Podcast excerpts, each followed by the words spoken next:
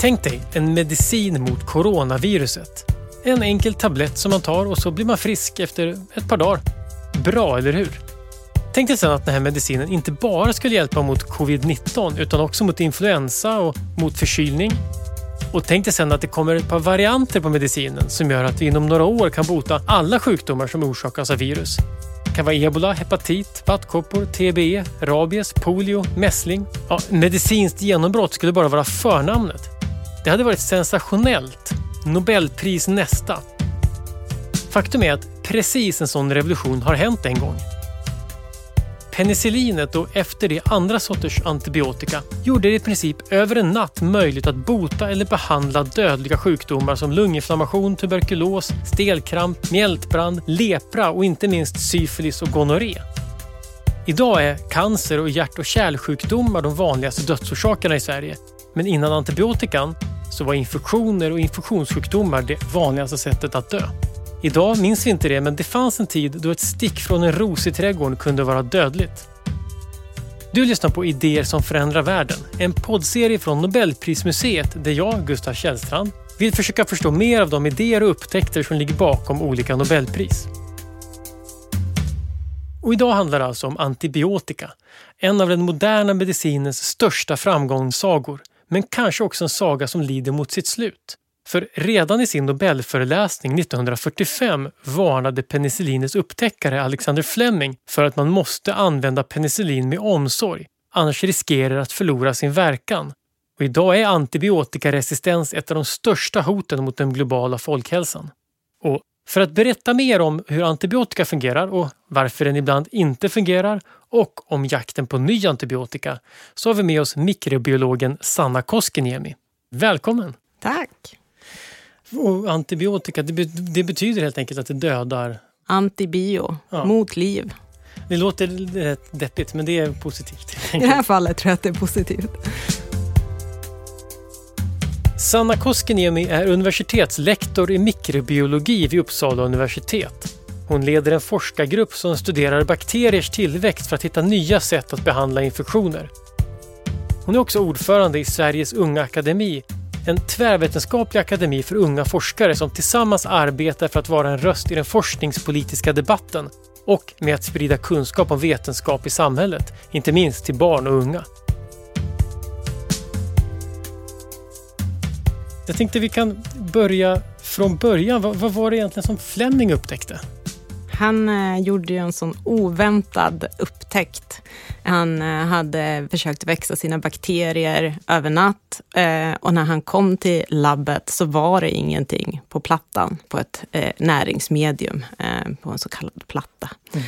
Och det var för att det var en svamp där som producerade någonting som gjorde att den här bakterien han försökte växa inte kunde växa ett antibiotika producerade mögelsvampen. Och, och det han upptäckte, det antibiotika han upptäckte var penicillin? Mm, precis. För, för det används ju ofta liksom nästan synonymt, att man säger nästan penicillin fortfarande. Om, om eller, inte minst om man pratar med barn kanske man säger penicillin, fast det finns massa olika sorter. Det finns massa olika sorter och de gör olika saker mot bakterierna.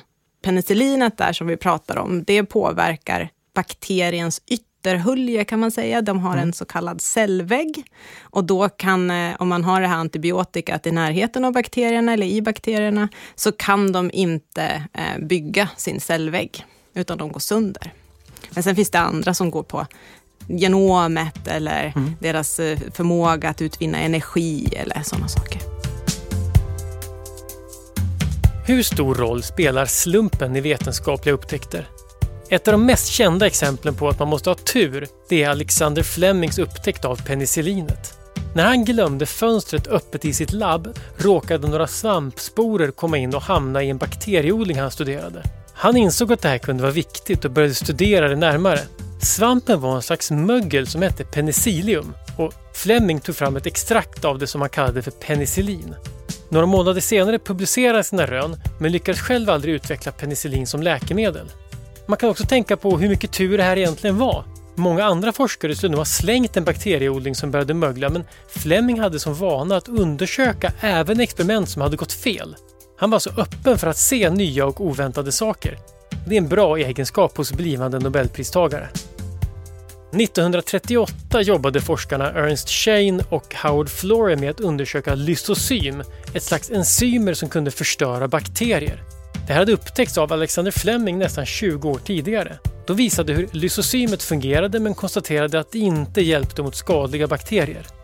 Men när Shane gick igenom Flemings andra artiklar hittade han en som handlade om ett annat bakteriedödande ämne, penicillinet som Fleming upptäckt tio år tidigare.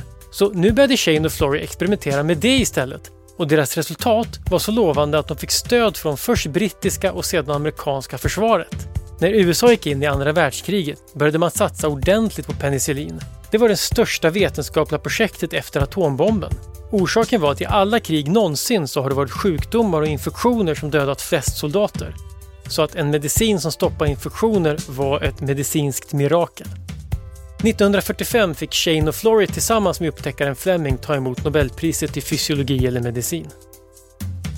Men om vi tar en bakterie, om man kanske börjar lite bara förstå, för du ser en cellvägg. En bakterie, det är alltså en cell? Ja, en bakterie är en cell. De och, är encelliga organismer. Och vad gör de när de kommer in i kroppen? Ja, de eh, försöker få tag på näring så att de kan växa och försöker ta sig till ställen där det finns näring. Och beroende på vilken bakterie det är så kan de orsaka sjukdom, men vi är ju fulla med bakterier. Eh, man brukar säga att vi har lika många bakterieceller i vår kropp som människoceller. Och det är ju snälla bakterier. Det är, det är vår normalflora. De ska vara där, de skyddar oss mot men, elaka bakterier. Men det skadar inte oss att de tar näring från vår kropp då? Normalflora-bakterierna? Mm. Nej, det, till, till och med så hjälper de oss. Så vissa producerar vitaminer som vi annars inte skulle kunna tillgodogöra oss. Så mm. de lever tillsammans med oss. Du har runt två kilo bakterier i din mage till exempel. right. Ja. Okej, okay, så de lever och är lyckliga. Och sen så, men sen kommer det in då bakterier som, då är det bakterier som inte är anpassade för att, eller de är anpassade för att leva i vår kropp, men vi vill inte ha det. Nej, utan de utnyttjar oss eh, för att eh, bli tillräckligt många. När de är tillräckligt många så börjar de sprida, besprida sig ut från vår kropp och infektera nästa människa, så att säga. Och det här med att vi blir sjuka, är det immunförsvarets sätt att bli av med mm, så det, det, är lite ett samspel. Så vissa saker kan bakterien göra. Vi kan ta ett exempel. Kolera kanske folk mm. har hört talas om. Man blir, får en eh, rejäl vattnig diarré. Och kolera orsakar det själv genom att uh, utsöndra en toxin som uh, gör att vatten rusar ut i mm. tarmen och därför blir det diarré.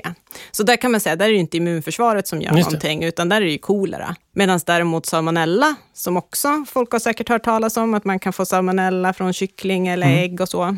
Den gör också diarré, men där är det immunförsvaret som gör att man får vatten som läcker ut i tarmen. Så det är lite olika för olika bakterier. Right, men, men då är det för att den, den kroppen känner att bakterien finns i magen och vill bli av med den, eller i mm. tarmarna? Ja, för det är ju så att vi är ju skyddade mot infektioner. Vi har som en osynlig rustning, brukar jag tänka. Det är dels de här bakterierna, normalfloran, som hjälper till och liksom stänger ute, men också våran hud.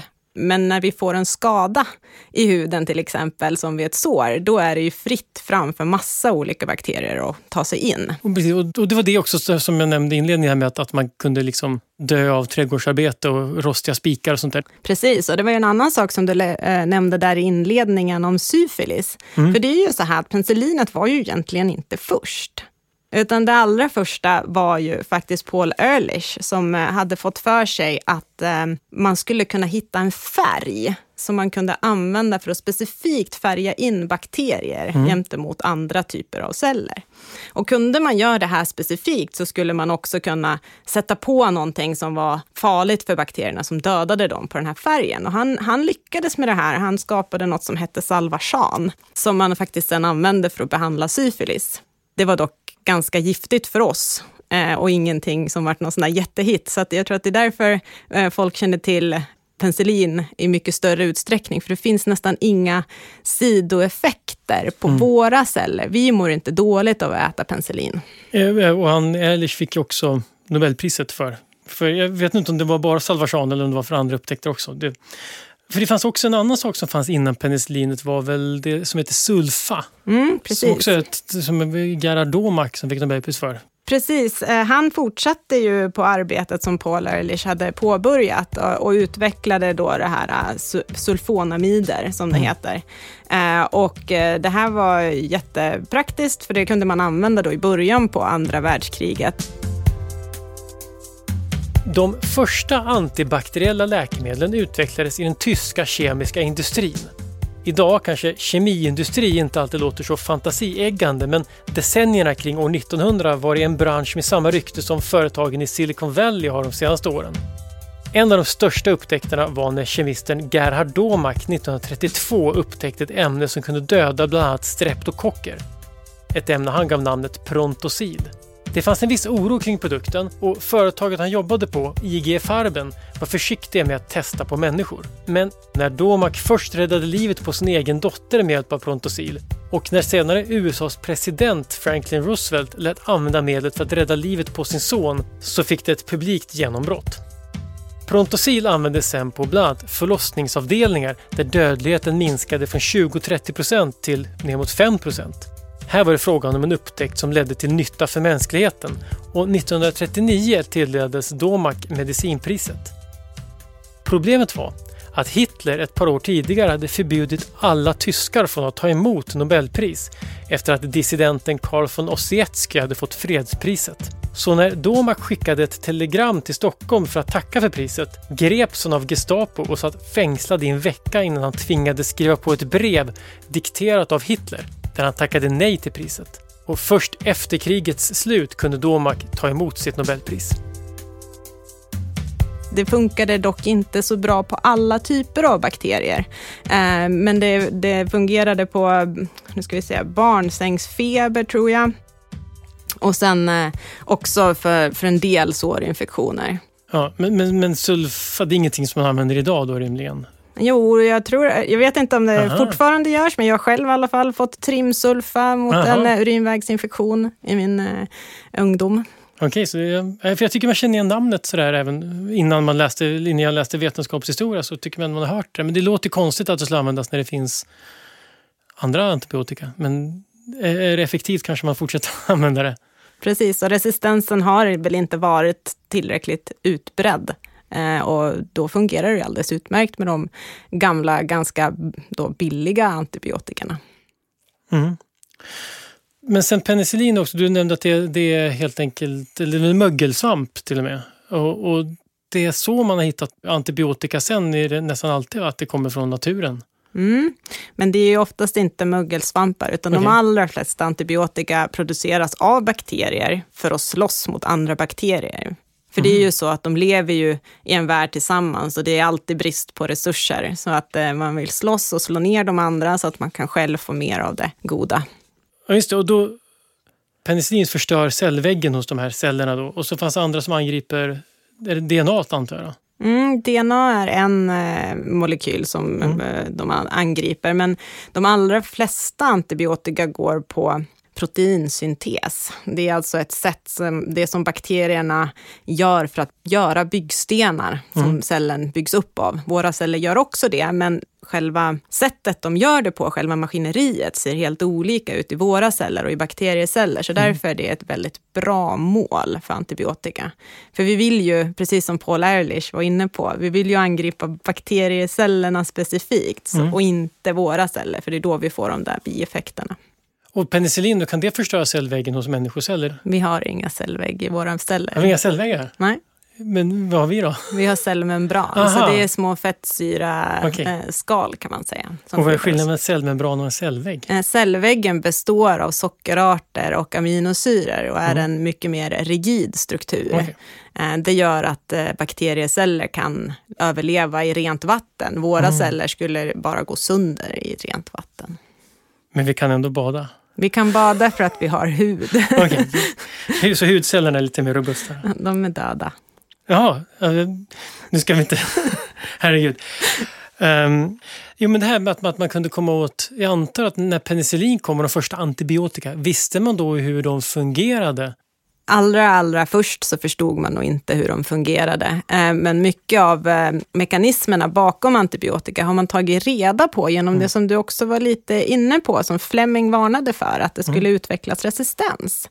För att man kan säga att när bakterierna kopierar sitt genom och gör nya bakterieceller, så blir det ibland fel. Mm. Och då, de här felen de kallas för mutationer man får förändringar i arvsmassan. Eftersom man har väldigt, väldigt många bakterier i en population, för de är så små, mm. så finns det nästan oändliga variationer och det finns alltid en cell där redan närvarande som faktiskt klarar av att växa mm. där antibiotikat finns, för den har förändrat det som antibiotikat binder till i cellen på så sätt, genom att ta de här bakterierna som kan växa i närvaro av antibiotikat, så kan man då ta reda på vad gör antibiotikat? Vad var det för molekyl som hade förändrats? Och genom den förändringen kan man få reda på vad antibiotikat faktiskt gör. Ja, smart. Men, men, då, men för det där du beskriver, det är ju helt enkelt evolution helt enkelt. Att ja. För den som då klarar av att stå emot antibiotika, den kommer ju förstås överleva när de andra dör och då kan den spridas vidare. Via naturlig selektion, absolut. Mm. Så det finns ju två sätt att gå för att hitta nya antibiotika. Dels så kan man då hitta molekyler som stoppar bakteriernas tillväxt och mm. sen ta reda på vad de gör. Eller så kan man bestämma, aha, bakterien har de här processerna, de är livsviktiga för bakterien. Låt oss hitta en molekyl som binder mm. till något i de här processerna. Det har inte funkat jättebra, det sättet. Dels för att um, man gör det utanför bakterien, när man mm. letar efter sådana molekyler. Och då är det inte säkert att molekylen kommer in i bakteriecellen sen. För det är ju inte så att de bara, det liksom är fritt fram för molekylerna att bara flyta in i cellen. Det måste ju finnas en upptagsmekanism för att antibiotiket ska komma in. Just och de här sakerna som finns naturligt, de har ju då utvecklats under mycket längre tid än vad vi kan göra. Så då har liksom naturen gjort det anpassningsjobbet redan. Precis. Annars skulle de vara ganska värdelösa som krigsföringsmolekyler om de inte går in i, i de man försöker slåss mot. Ja, nej, det blir meningslöst. Men jag tänkte på, för det finns, jag slår mig nu, för ett par år sedan så fick eh, Frances Arnold kemipriset, artificiell evolution tror jag det kallas för. Det att man, de används i precis av de här, alltså evolutionens, för, för att hitta nya, jag tror inte det var läkemedel, men olika ämnen som kan göra olika saker. Skulle det vara ett sätt att få fram nya antibiotika då? Att gå, gå sån här, vad ska man säga, reverse engineering, att man vet vad man letar efter. Att det måste ha egenskapen att kunna gå in i och sen försöker man selektera för någon som dels kan döda de här bakterierna och dels kanske kan komma igenom. Så selekterar man, hjälper man dem lite på vägen. Mm. Det, det låter ju bra, men bakterierna kommer ju dö. Aha. För det är ju det du selekterar för. Ja, just det. Så det, det, det, är lite komplicerat. Just det, det är väldigt svårt att ha naturligt urval för att välja ut saker som kommer dö. Mm. Ja. Men är det så, kanske en dum fråga eller så är den för enkel, men, men så här, bara för att förstå. Är det så att en antibiotika hjäl, hjälper mot en typ av bakterie eller finns det olika bakterietyper som olika antibiotika hjälper emot? Mm, jag, förstår, jag tror jag förstår vad du är ute efter. Så det finns olika sorters antibiotika. Vi mm. brukar kalla dem för bredspektrum antibiotika. Mm. Det är antibiotika som kan påverka många olika typer av bakterier. Mm. Och sen finns det smalt spektrum antibiotika som kanske bara går på några få.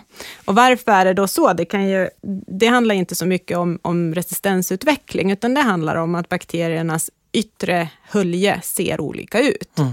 Och att det inte är möjligt för vissa antibiotika som är kanske stora molekyler att komma in i en del bakterier på grund av att de har ett cellmembran längst mm. ut och då är det svårare att komma in och komma åt till exempel den där cellväggen. Medan andra bakterier har cellväggen ytterst och då finns det ju inget hinder. Då är det bara mm. fritt fram för antibiotika att börja påverka cellväggen. Det finns alltså olika typer av antibiotika men också olika liksom familjer av bakterier som ser ut på olika sätt? Arter finns ja. väldigt många. Jag, vet, ja. jag kan nog inte ens sätta en siffra på det, men, men, men man kan börja med att kategorisera bakterier i något som kallas för gramtillhörighet. Och det här var en, en man som hette Hans Christian Gram som kom på ja det handlar om just det här, har man cellväggen ytterst, då har man bara ett membran, eller har man två membran och cellväggen mitt emellan membranen. Och sen finns det då mykobakterier, som du var inne på, tuberkulos, mm. eh, orsakas av något som heter Mycobacterium tuberculosis. Och den eh, bakteriens cellvägg ser helt annorlunda ut. Och sen finns det också bakterier som mykoplasma och klamydia som inte har någon cellvägg alls. Där är liksom en väldigt enkel mm. uppdelning, mm. de fyra. Eh, har man ett riktigt bred spektrum antibiotika så borde det påverka alla de här typerna. Man kan också tycka att ett bredspektrum antibiotika är brett nog om det påverkar gram-positiva, de som hade mm. cellväggen ytterst, och gram-negativa som har cellväggen mitt emellan membranen. Så att säga. För det finns under de, under de här gram-positiva och negativa finns det så jättemånga, så inne på jättemånga arter. Så att ja. slår du ut alla dem så är det fortfarande himla bra. Ja, precis. Jag tänkte snart komma till resistens, men jag bara, två frågor till. Dels så tänker jag bara antibiotika, du var inne på att det betyder mot liv. Det finns ett annat sätt att infektera människor, alltså svamp är en sån sak som vi får sjukdomar av också. Kan antibiotika hjälpa mot det? Nej, eftersom svampceller, det är också celler, eh, de är eukaryota så att säga. De är mer lika våra celler. Eh, så att eh, det är andra molekyler som behövs för att bota svampinfektioner. Mm. Och sen då, det sista jag tänkte på där innan vi kom in på resistensen, det är min två kilos klumpa bakterier i magen. Om jag nu får in några stycken, vad kan det vara, jag hoppas jag inte får tuberkulos, men streptokocker av något slag, så får jag ett antibiotika. Slår antibiotikan då ut även min positiva bakterieflora? Ja, alla ryker. Om det är ett bredspektrum antibiotika, då åker allihopa. Är det mer smalspektrum så kanske en del klarar sig. Men den kommer tillbaka ganska snabbt efter att man har slutat med antibiotika. Mm. Men man ska vara medveten om att under den där tiden man äter, då är man ganska utsatt. Mm. Eh, det är då det kan komma in en ny bakterie som normalt sett inte skulle kunna orsaka sjukdom, men som nu kan det för att den där nischen är tom. Det är ingen där, så mm. det är fritt fram och börja växa. Och det har säkert eh, en del också eh, haft, att man har ätit antibiotika och så fått en, kanske en svampinfektion mm. efteråt. Det är ganska vanligt också, för de får ju helt plötsligt också tillträde. Så absolut ska man vara restriktiv med antibiotika även för sin egen skull. Mm. Men om vi tänker på nu, som sagt, vi har varit inne på den här resistensen och hur den kommer upp då, liksom att det är helt enkelt så att evolutionen gör att det finns resistens. Men, men vad är liksom, hur kommer det sig att det här blir ett stort problem? Problemet är att eh, bakterier tycker om att eh, byta gener med varandra. De gör det oftast genom bakteriesex, kallar ja. vi det för. De skickar helt enkelt över en bit eh, DNA mellan celler. Och det här gör ju att man kan som bakterier då samla på arvsanslag som ger resistens mot antibiotika, eh, som man, ett barn samlar på samlarkort. Mm. Så att mhm. man har liksom, kolla här, jag har 20-30 stycken. Eh, släng på vad ni vill, jag kommer klara mig.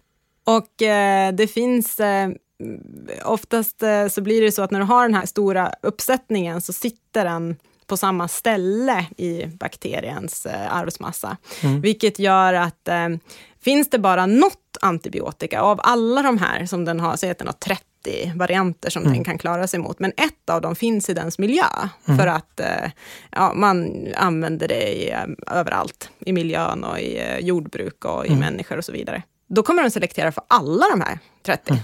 Den kommer inte tappa något av dem, för att den måste ha kvar hela samlingen för att klara av det där som den faktiskt stöter på. Så det är därför det inte riktigt fungerar som man skulle hoppas, att man kan liksom sluta använda ett antibiotika i tio år och så försvinner resistensen mot det antibiotikat, mm. så kan man plocka upp det igen. Men det, det, har man testat och det funkar inte jättebra, för att när man slutar med ett så börjar man använda ett annat och då mm. får man fortfarande den här naturliga selektionen för att behålla allihopa. Vi använder ju massa antibiotika i djurhållning. Är det det som gör att, att de bakterierna blir resistenta även mot antibiotika som skulle hjälpa oss? Precis, det är ju samma antibiotika man använder mm. i djur som vi använder i människa. Något sånär i alla fall, eh, inte helt överlappande. Men eh, definitivt så selekteras då de här resistenssamlingarna för också de antibiotika man använder i djur. Sen eh, om det är samma bakterier som infekterar djuren och oss, det händer, mm. men det är nog inte det vanligaste, utan största bidraget är att det här kanske inte alla tänker på, men när man tar antibiotika mm. så försvinner det inte. Det mesta går rakt igenom vår kropp och rakt ut i miljön. Mm. Och där finns det då jättemycket antibiotika. Och det kommer från oss och det mm. kommer från djur och det kommer från eh, växter, använder vi ibland antibiotika för också.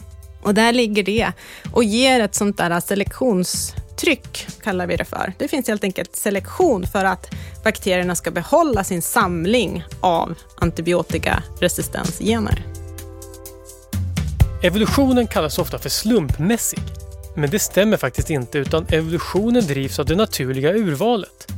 Levande organismer förändras lite hela tiden och det sker genom slumpmässiga mutationer. Men vissa av de här mutationerna leder till en fördel och då kan de individer som har den fördelen föröka sig mer. Ibland kan det finnas yttre faktorer som påverkar det här. Blir det till exempel varmare så kommer mutationer som klarar värmen bättre klara sig bättre. Det här kallas selektionstryck. Och närvaron av antibiotika i naturen blir ett tryck på bakterierna att utvecklas åt ett håll där de är resistenta mot sådana ämnen. Även om det kan låta konstigt för att det är så låg koncentration där ute i miljön. Men, men man har sett i studier att jätte, jättelåga koncentrationer så har man ändå fördel om man har alla de där resistensgenerna jämfört med de bakterierna som inte har det.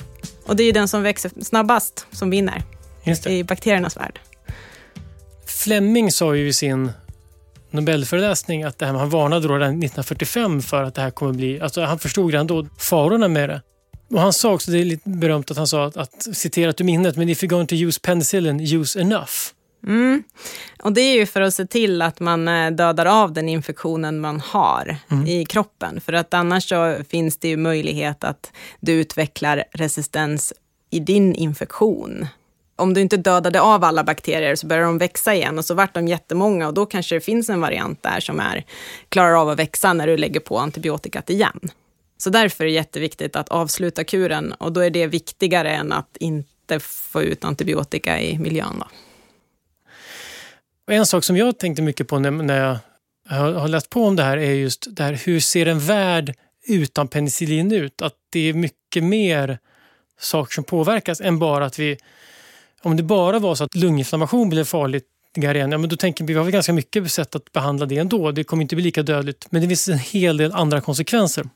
Ja, det, det som jag först tänker på, om vi nu inte ska tänka på att barnadödligheten går upp eh, jättemycket, vilket gör mig orolig mm. eh, som har barn, men eh, så är det ju att eh, det blir svårt att utföra operationer. Jag har gjort själv en sån här knäoperation Eh, och då får man antibiotika under själva operationen för att det inte ska riskeras att eh, man eh, får bakterier i blodet som börjar växa till. Allt sånt blir ju jättemycket farligare när du inte har antibiotika att sätta in.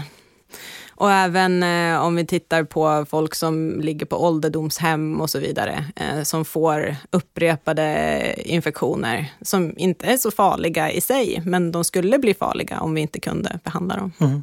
Men jag tänker också mycket som modern medicin som cancerbehandlingar och sånt där folk får nedsatt immunförsvar.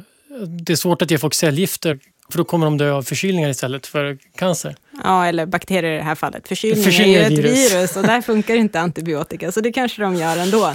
Men eh, absolut, det finns ju en gäng så kallade opportunistiska bakterier mm. som bara ligger och väntar i den där normalfloran och när immunförsvaret försvinner så kan de bli sjukdomsorsakande. Jag tänker HIV-patienter måste vara sånt. Precis. Transplantationer kanske skulle bli svårt att göra. Helt omöjligt. Nej, så det är den eh, moderna sjukvården behöver antibiotika. Vi är helt beroende av det. Om det försvinner, då försvinner den moderna sjukvården också. Den, det där tror jag inte man alltid tänker på när man tänker på antibiotikaresistens. Även om man förstår och har hört att det är ett stort hot, så att det är så himla mycket som ryker. Och sen var du inne på ja, mödradödlighet tänker man också på förstås. Förlossningar måste ju vara infektionskänsligt. Men barnadödlighet, och den går, är det för att barn just drabbas av alla de här sjukdomarna? Precis, eh, så det är ju lunginflammationer och det är mm. diarrésjukdomar och det är halsfluss mm. och så vidare som kan bli riktigt jobbiga. Just allt det där som man nu tycker är jobbigt för att det gör att man måste vabba. Då är det jobbigt för att det kommer helt enkelt kunna vara dödliga sjukdomar istället. Och eh, ska vi ta ett, ett riktigt exempel så kan mm. vi ta tuberkulos. Som eh, innan man hade antibiotika mot tuberkulos dödade en av sju. Det vill säga att i varje familj så skulle vi ha mm. någon som har dött av tuberkulos. Eh, det är en riktig fara, ska jag säga. Och där är det väldigt problematiskt med resistens. Mm. Ja, det var väl under 1800-talet var väl det den vanligaste dödsorsaken tror jag, i, i, åtminstone i Europa. Jag vet inte hur det var i hela världen. Och sen kom då, heter det streptomycin, säger jag rätt då? Det stämmer. Så det var som ett medicinskt mirakel att den största dödsorsaken bara försvann. Mm. Tuberkulos är en bakteriell sjukdom som under 1800-talet stod för upp till en fjärdedel av alla dödsfall i Europa. Under 1900-talet förbättrades läget en del genom bättre hygien och genom upptäckten av tuberkulosbakterien som Robert Koch fick Nobelpriset för 1905. Men det stora genombrottet kom med streptomycin, ett antibiotikum som kunde bota tuberkulos. Det var en upptäckt som Salman Waxman fick Nobelpriset för 1952, men det är ett omdiskuterat pris. Dels för att upptäckten av bakterien Streptomyces griseus, som är den aktiva substansen, faktiskt gjordes av Waxmans assistent Albert Schatz, även om han arbetade i ett projekt som startades och drevs av Waxman. Men dessutom har många pekat på att den dansk-svenske kemisten Jörgen Lehmann upptäckte att salicylsyra var effektivt i behandlingen mot tuberkulos och att det var först när Lehmann och Waxmans upptäckter kombinerades som man fick en verkligt effektiv behandling. Och sen om man nu inte tycker att det räcker så kan man ju tänka på, vi lever ju i en pandemi, mm. men ska vi slänga in en riktig rysare så är det ju digerdöden på 1300-talet som slog ut 60 eh, procent av Europas befolkning, en tredjedel av världens. Mm. Um, och den hade vi idag bara kunnat äta lite antibiotika för att bli av med. Ja, nej, det vet jag att det är sånt där mardrömsscenario. För pesten har ju, brukar återkomma då och då. Nu har det varit ett tag sedan sist, men det finns ingenting som säger att det inte kan komma tillbaks. Eller det kommer ju pest då och då, men det sprids ju aldrig. Nej, och det är ingen fara för vi kan behandla det. Men när den blir resistent då... Då är, ja. är det inte lika roligt. Nej, det är verk, verkligen inte. um, en sak som slår mig nu, bara för att hoppa bort från pesten. Um, varför ger man djur så mycket? Är det för att de är sjuka? Men jag förstår att man gör, är det förebyggande syfte man ger djur? För det är inte så att man bara ger sjuka djur antibiotika. Jo, i Sverige och Europa är det så. Okay. Så att det finns lagstiftning på plats som säger att man får inte längre ge antibiotika till friska djur. Men man får ge antibiotika till hela flocken mm. om man har ett sjukt djur. Så alltså ger man ju faktiskt antibiotika till mm. friska djur, även om ja, någon måste vara sjuk. Men har man då dålig djurhållning så är det kanske ofta något djur som är sjukt. Och då använder man väldigt mycket antibiotika ändå. Mm. Um, och sen finns det delar i världen där det inte, här inte alls är reglerat, utan där man ger antibiotika i fodret hela tiden, för att då växer djuren snabbare, för att de blir inte sjuka. Och man kan ha dem tätare och ha sämre djurhållning och ändå få dem att växa bra. Och evolutionärt har det funnits resistenta bakterier innan vi började använda penicillin och, och, sånt. Precis. Jag sa ju tidigare att eh, det är bakterierna som producerar antibiotika mm. för att slå ut ja, andra. Så de som producerar det, de måste ju rimligen vara resistenta och kunna växa där antibiotikat produceras. Så de här resistensgenerna, de här mm. samlarkorten som jag pratat om, de kommer ju ibland från den bakterien som ursprungligen gjorde antibiotikat och så har de spridits runt. Jag läste för några år sedan de hade gjort en sån här magundersökning av Ötzi, den snömannen som de hittade i, Alperna. Och i hans mage hade de just hittat eh, antibiotikaresistenta bakterier. Mm. Då har du eh, förklaringen. Ja, men det kändes ju som att han var en tidsresenär. Men, men då, då förstår jag varför. Och därför vore det bättre ur ett resistenssynpunkt om vi hade fler syntetiska antibiotika, sådana som alltså inte produceras av bakterier. Och det finns eh, bara egentligen en klass som eh, sån syntetiskt antibiotika, som var också ett misstag. Man försökte göra antimalaria-medicin, mm. kloroquin. Och eh, då eh, i ett av mellanstegen där så vart det ett antibiotika som funkar jättebra och som användes väldigt mycket. Och som fortfarande finns det Så fortfarande, fortfarande används väldigt mycket, ja. Men då, det finns resistens nu. Men är det så att resistens det är liksom oundvikligt för antibiotika? Är det ens teoretiskt möjligt att det inte skulle kunna uppstå? Teoretiskt möjligt, kan det nog vara. Om man eh, har eh, till exempel någon typ av kombinationsbehandling, eh, där man går på flera olika mål samtidigt, för då blir det väldigt svårt.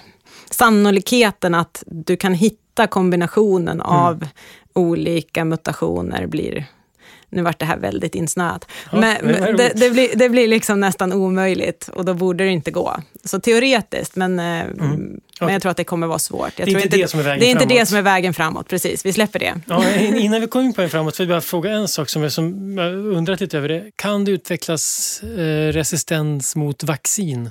Absolut.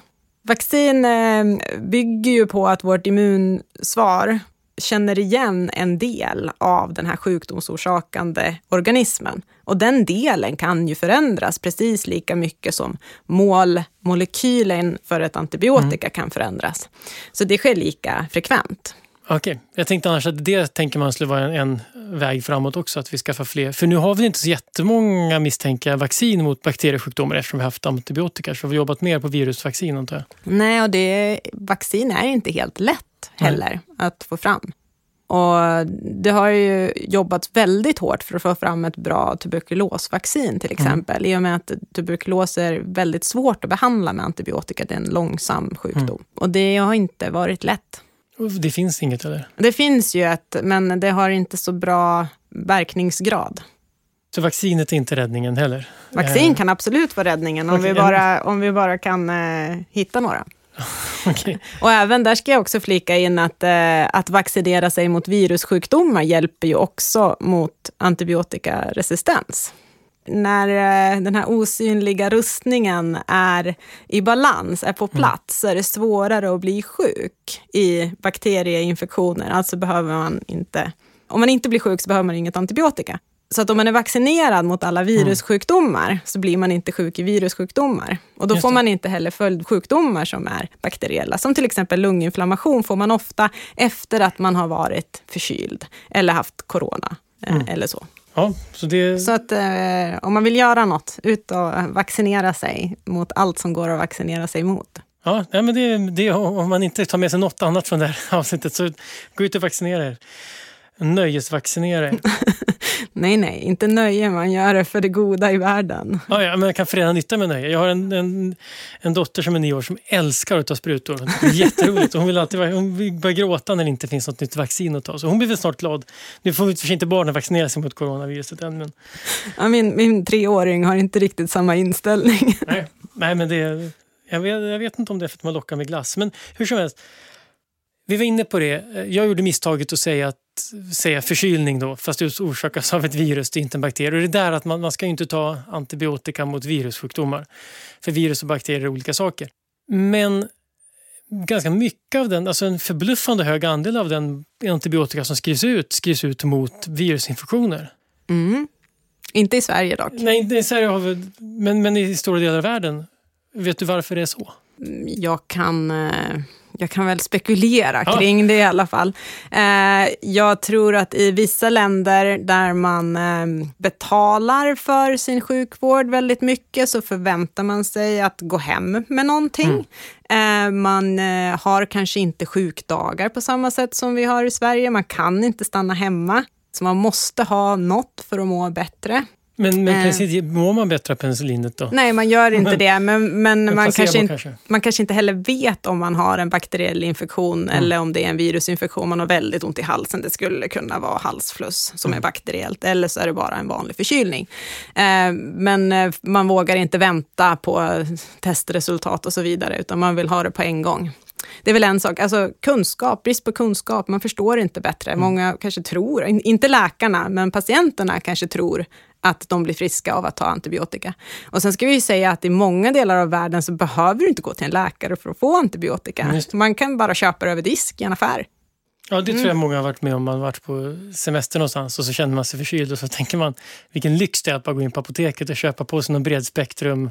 Och så känner man sig frisk efter två, tre dagar och tänker att det var säkert tack vare antibiotikan. Och det mm. var det förmodligen inte. Man var väl en förkylning går ju över av sig själv. Och sen finns det ju ytterligare en nivå som är att eh, läkarna eh, kan få så kallade kickbacks om de säljer väldigt mycket av en viss eh, medicin, till exempel en trevlig resa till någon skidort med sin familj.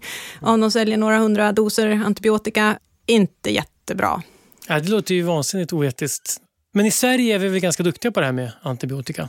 Vi är väldigt duktiga. Jag, nästan, jag har varit både för mig själv och för barn och fått antibiotika någon gång. Jag hade halsfluss i vuxen ålder. Men och blev nästan lite förvånad över det. För att för det mesta så får man faktiskt inte det. Nej. Men vi har ju ett, ehm, ett väldigt bra läkarnätverk också som, eh, som, som hjälper till, som verkligen sprider den här informationen om antibiotikaresistens och har gjort under lång tid. Så att jag tror att kunskapsnivån både hos befolkning och läkare är och har varit väldigt hög. Det är väl en del eh, i det hela. Och sen det andra kan ju vara att vi har har ett större förtroende för läkare och kunskapen de besitter och litar på dem. Men det förebyggande arbetet misstänker jag inte kommer räcka till för att stoppa antibiotikaresistensen? Nej, vi behöver nya antibiotika, mm. så är det. Eh, och det jobbas ju febrilt med detta. Det, jag tror det finns, eh, jag kollade upp det, 20, drygt 20 företag som mm. jobbar med att eh, ta fram nya antibiotika och det finns 56 eh, nya antibiotika i kliniska prövningar just nu. Dock så är det inte så många av dem som är helt nya, utan mm. det är ofta variationer på sånt som redan finns. Men, men det händer grejer. Blir det svårare och svårare? Det blir svårare och svårare. Jag tror att vi har plockat alla äpplena som hänger liksom långt ner på trädet. Mm. Det finns några jättefina kvar, men de är högt upp och de är väldigt svåra att nå. Mm. Väldigt mycket energi läggs på att göra varianter av sånt som vi redan har. Och där är de där samlarkorten livsfarliga, för att det går väldigt fort för de samlarkorten att förändra sig lite, lite grann och sen så klarar de av att ge resistens mot det nya, som vi har spenderat mycket tid och pengar på att ta fram. Just det, för att vi, vi måste jobba fram en ändring och den en ändring går liksom, för de har mycket snabbare generationsväxlingar så det går liksom snabbt på de är så många. De behöver inte göra kliniska prövningar heller som tar lite tid. Nej, de lever i verkligheten kan man säga. Men de, är, det, är det det som gör, man pratar mycket om att inte utvecklas eller man pratar mycket om, det hörs ofta att vi utvecklar inte nya läkemedel därför att det är, eller nya antibiotika därför att det är så dyrt att göra. Så läkemedelsbranschen lägger hellre pengarna på annat. Mm. Jag tror att det är en jättestor del av det här för att eh, det kostar mycket att ta fram ett nytt antibiotika. Har du otur så blir det resistens väldigt snabbt så du hinner inte sälja så mycket mm. av det. Dessutom så talas det om att samtidigt om det kommer nya så vill man kanske minska användandet av det. Där hör du ju, det där låter ju inte som en ekonomiskt gynnbar eh, produkt mm. om man ska begränsa användandet av det. Eh, och därför behövs det nya ekonomiska modeller för hur man tar fram nya antibiotika. Och det finns initiativ, både i USA och Europa har man kört initiativ för att eh, ta fram nya antibiotika tillsammans med företag, men där då staten finansierar en del av framtagandet. Och det är mm. därför vi har de här 56 på väg. Då. Mm. Men, men även om vi hittar de här hö, hö, högre hängande frukterna och vi hittar några riktiga supergrejer där, vilket det verkar som vi kan hoppas på att vi gör i alla fall. Men då är det också en ändlig resurs. Ja, det kommer troligtvis utvecklas resistens mot det mesta vi mm. utvecklar. Finns det något hopp om att hitta något, någon lösning på längre sikt? Ja, det, det, man behöver göra är ju att man behöver jobba med det här som med alla sådana stora problem. Alltså det här mm. är ju ett väldigt svårt problem. Det handlar inte bara om att skaffa fram nya antibiotika, utan man måste förändra djurhållning, vatten vatten, kvalitet i fattiga länder, sociala orättvisor. Allt det här hänger ju ihop. Mm. Därför att eh, mycket av antibiotikat idag används ju inte här i Sverige. Som du säger, vi, vi är restriktiva. Men problemet är att det kan man inte vara överallt. Mm. Eh, det är mer infektioner på andra ställen och, och mer sociala orättvisor som gör att man måste ta antibiotika på ett annat sätt. Vi kan inte fortsätta plocka fram antibiotika och, och, bara gödsla med dem som vi har gjort under de senaste 40 och 50 åren problemet kommer lösas först när man har löst eh, andra problem, om man säger så. På det sättet känns det som att det här påminner om när man pratar om klimathotet, det här med att även om vi stoppar koldioxidutsläppen så är det så mycket annat som kommer ändras på grund av... Alltså det är så många olika system som hänger ihop. Precis samma sak. Så det är därför jag, jag, säger att det här är ett av de svåra problemen, precis som klimatkrisen är. Mm, verkligen.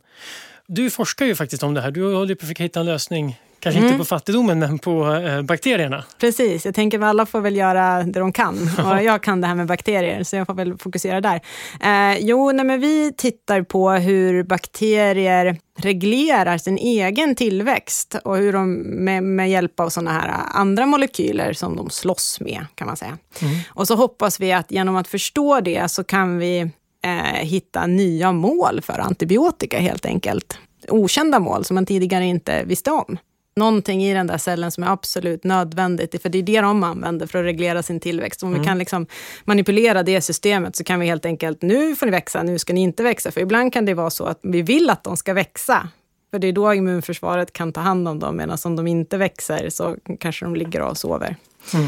Så att, eh, det tittar vi på dels. Och sen eh, jobbar vi också med att uh, försöka göra probiotika, bakterier som man skulle kunna till exempel äta innan man sticker ut och reser till ett ställe där det är mycket resistens. Som då skulle förhindra att de här samlarkorten hoppar mm. över till din normalflora, så att du inte tar med dem hem. Och det skulle ju då kunna begränsa spridningen av resistens mer än att eh, ge ett mm. nytt botemedel, även om det samtidigt skulle skydda mot ganska mycket sådana diarrésjukdomar.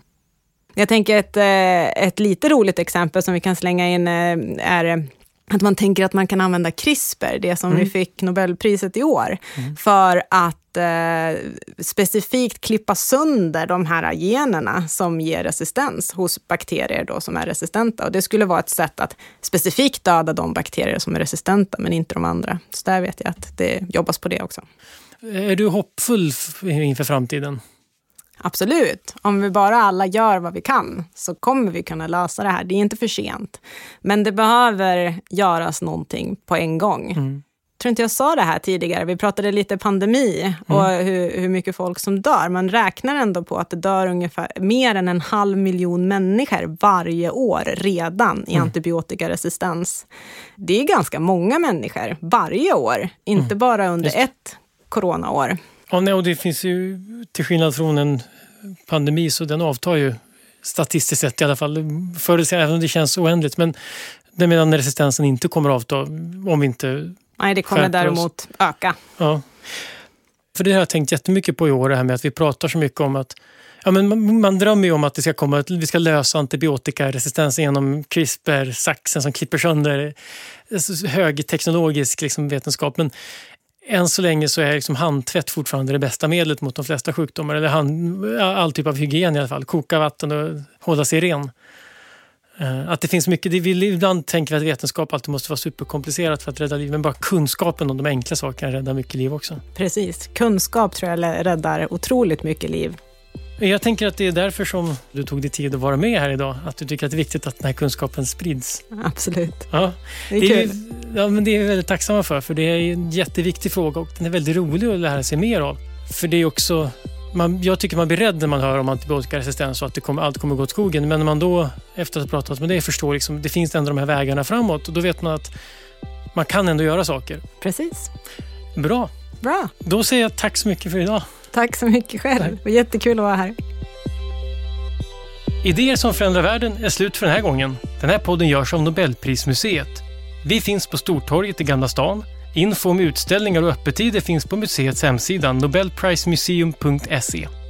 Du kan förstås också följa oss på Facebook och Instagram. Och vill du veta mer om Nobelpristagarna och deras arbete så gå gärna till Nobelprisets hemsida nobelprice.org. Och ett stort tack till Nobelprismuseets huvudpartners Nibe Group och EF Education First som möjliggör Nobelprismuseets verksamhet. Vi är snart tillbaka med nya intressanta samtal. Jag heter Gustav Källstrand.